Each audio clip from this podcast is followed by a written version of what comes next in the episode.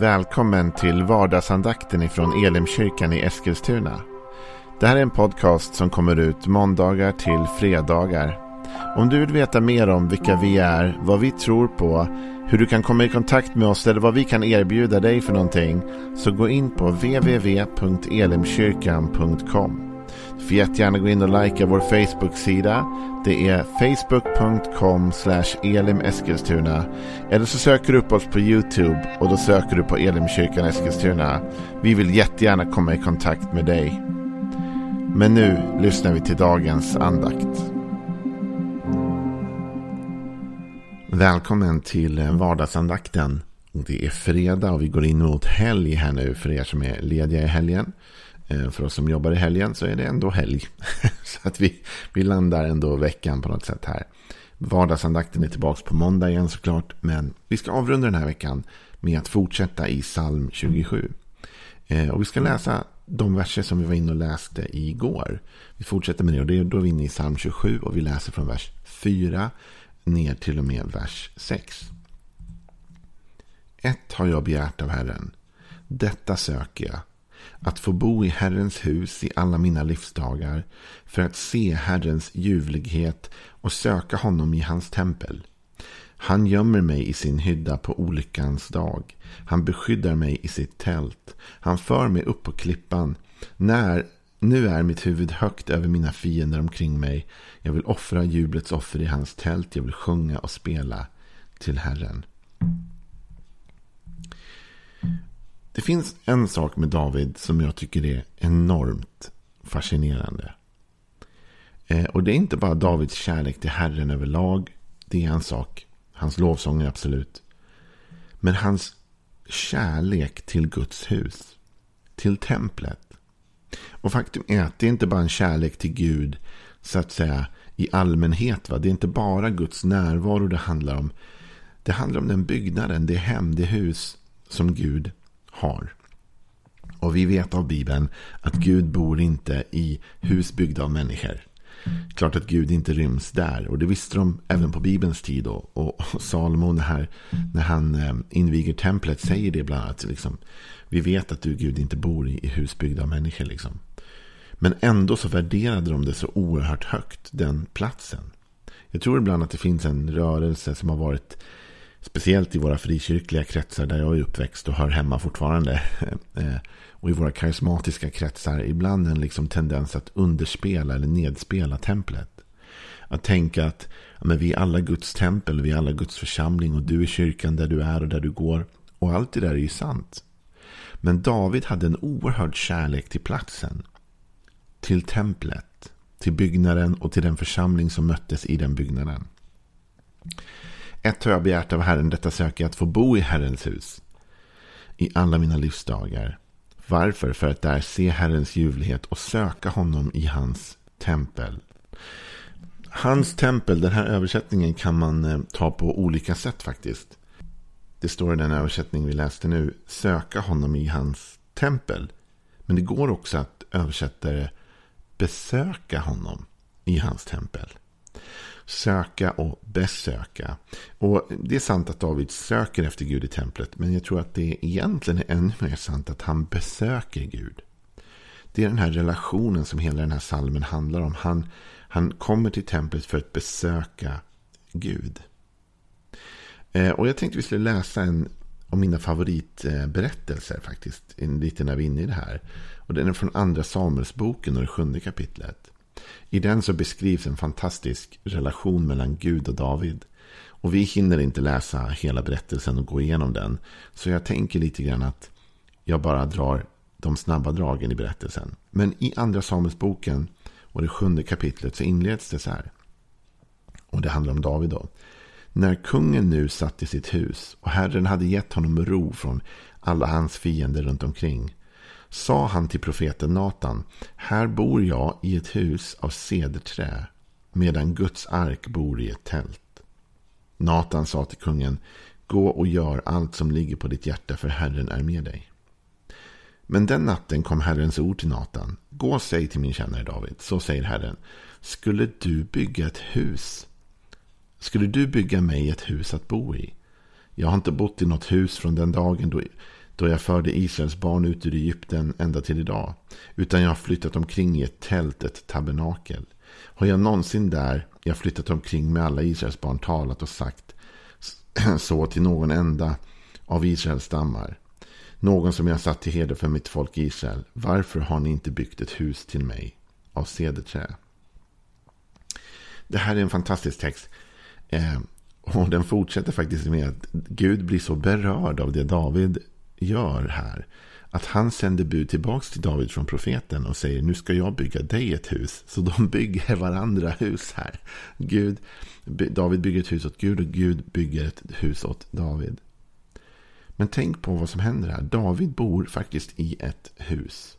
Det är till och med någon översättning tror jag talar om att det är ett nybyggt hus. Och han bor i ett hus av cederträ. Medan Guds ark bor i ett tält. Vet du, det här handlar inte om att besöka Gud på ett sätt. Därför David kunde gå ut i tältet och besöka Gud. Därför det stod en ark i, templet, eller i tältet som representerade Guds närvaro. Och jag vet att vi är i Nya Testamentet nu och att Guds närvaro är i oss alla och att vi är nu det templet. Men här var det ändå så att, att, att arken symboliserade Guds närvaro. Och David kunde gå ut i tältet och besöka den. Men David tyckte inte att det var värdigt Gud. Utan han sa till Gud, alltså, det är inte rätt att jag bor i ett så otroligt fint hus och arken som är det viktigaste egentligen står i ett tält. Så David inser att hans prioriteringar har blivit lite fel. Jag har byggt upp mig själv men jag har inte prioriterat det som har med Gud att göra. Så då får han till sig att han ska bygga det här templet. Och nu, om du kan din bibel vet att det här var Davids stora livsverk sen. Att bygga Guds tempel. Och han gör det så stort och han gör det så maffigt. Att han hinner inte ens bygga klart under sin livstid. Utan hans son får vara den som fullgör arbetet. Men i alla fall David brinner för detta hus. Så när David säger att han vill besöka Guds hus eller han vill ta sig till Guds hus. Det här är en passion i hans liv. Att få bygga ett tempel, att få besöka honom i hans tempel. Och du och jag, vi får inte underskatta eller nedvärdera det. Vet du, när jag tänker ibland när jag kommer till kyrkan. Till vår kyrka då, nu har det varit lockdown här ett tag. Vi har inte direkt varit i kyrkan på det sättet då. Haft gudstjänster och så. Men man kommer dit ibland så tänker jag så här. Det här är liksom Guds. Det här representerar Gud och hans närvaro. Ja, jag vet att Gud inte bor i den här byggnaden egentligen. Men ändå är det den här byggnaden vi har satt upp till hans ära. Och, och det är här vi tänker oss att vi möts. Och det här blir en plats där vi ändå visar vår vördnad och vår respekt, eller hur? Och ibland blir jag så förvånad över folk som alltid tycker att man ska köpa de billigaste grejerna till kyrkan eller göra det så enkelt som möjligt. Jag förstår tanken ur perspektivet att spara in på vad som är offrade medel och tänka sig för. Det tycker jag är bra. Men samtidigt, Guds tempel borde vara maffigare än mitt hus. Det kan inte vara rätt att, att mitt hus är finare än vad Guds tempel är. Ska köket hemma hos mig vara finare än det kök som är i det tempel som Herren har? Förstår du hur jag tänker? Jag tänker så ibland. Och så vill jag offra till församlingen, jag vill offra till Guds hus, jag vill ge därför jag känner att jag vill investera i detta. Och då säger någon, men Gud bor ju inte ens i den här byggnaden, han bor ju inom dig. Ja, ja, men den här byggnaden representerar någonting. Det är ju det som David säger här, den representerar någonting. Men David visste att Gud var i arken ute i tältet. Och han visste att han kunde gå ut och prata med Gud. Han visste att han kunde umgås med Gud där. Han behövde inte bygga ett tempel för att umgås med Gud. Men han ville bygga ett tempel åt Gud. Därför han tyckte att Gud förtjänade ett tempel. Och jag tycker att det här är på det sättet blir templet alltid en återspegling av våra egna värderingar. Nu är jag lite utmanande här mot oss själva. Men det är alltid så att om mitt eget alltid är större och vackrare än vad templet är. Så säger det någonting om att vi inte har värderat hans tempel.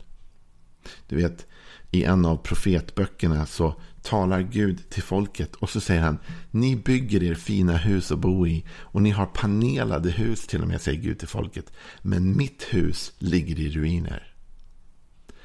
Och det säger någonting om våra prioriteringar. Det säger inte så mycket om Gud. Templets pompa och ståt är på något sätt inte egentligen ens till för att vi ska, för att Gud ska ha ett vackert hus att bo i.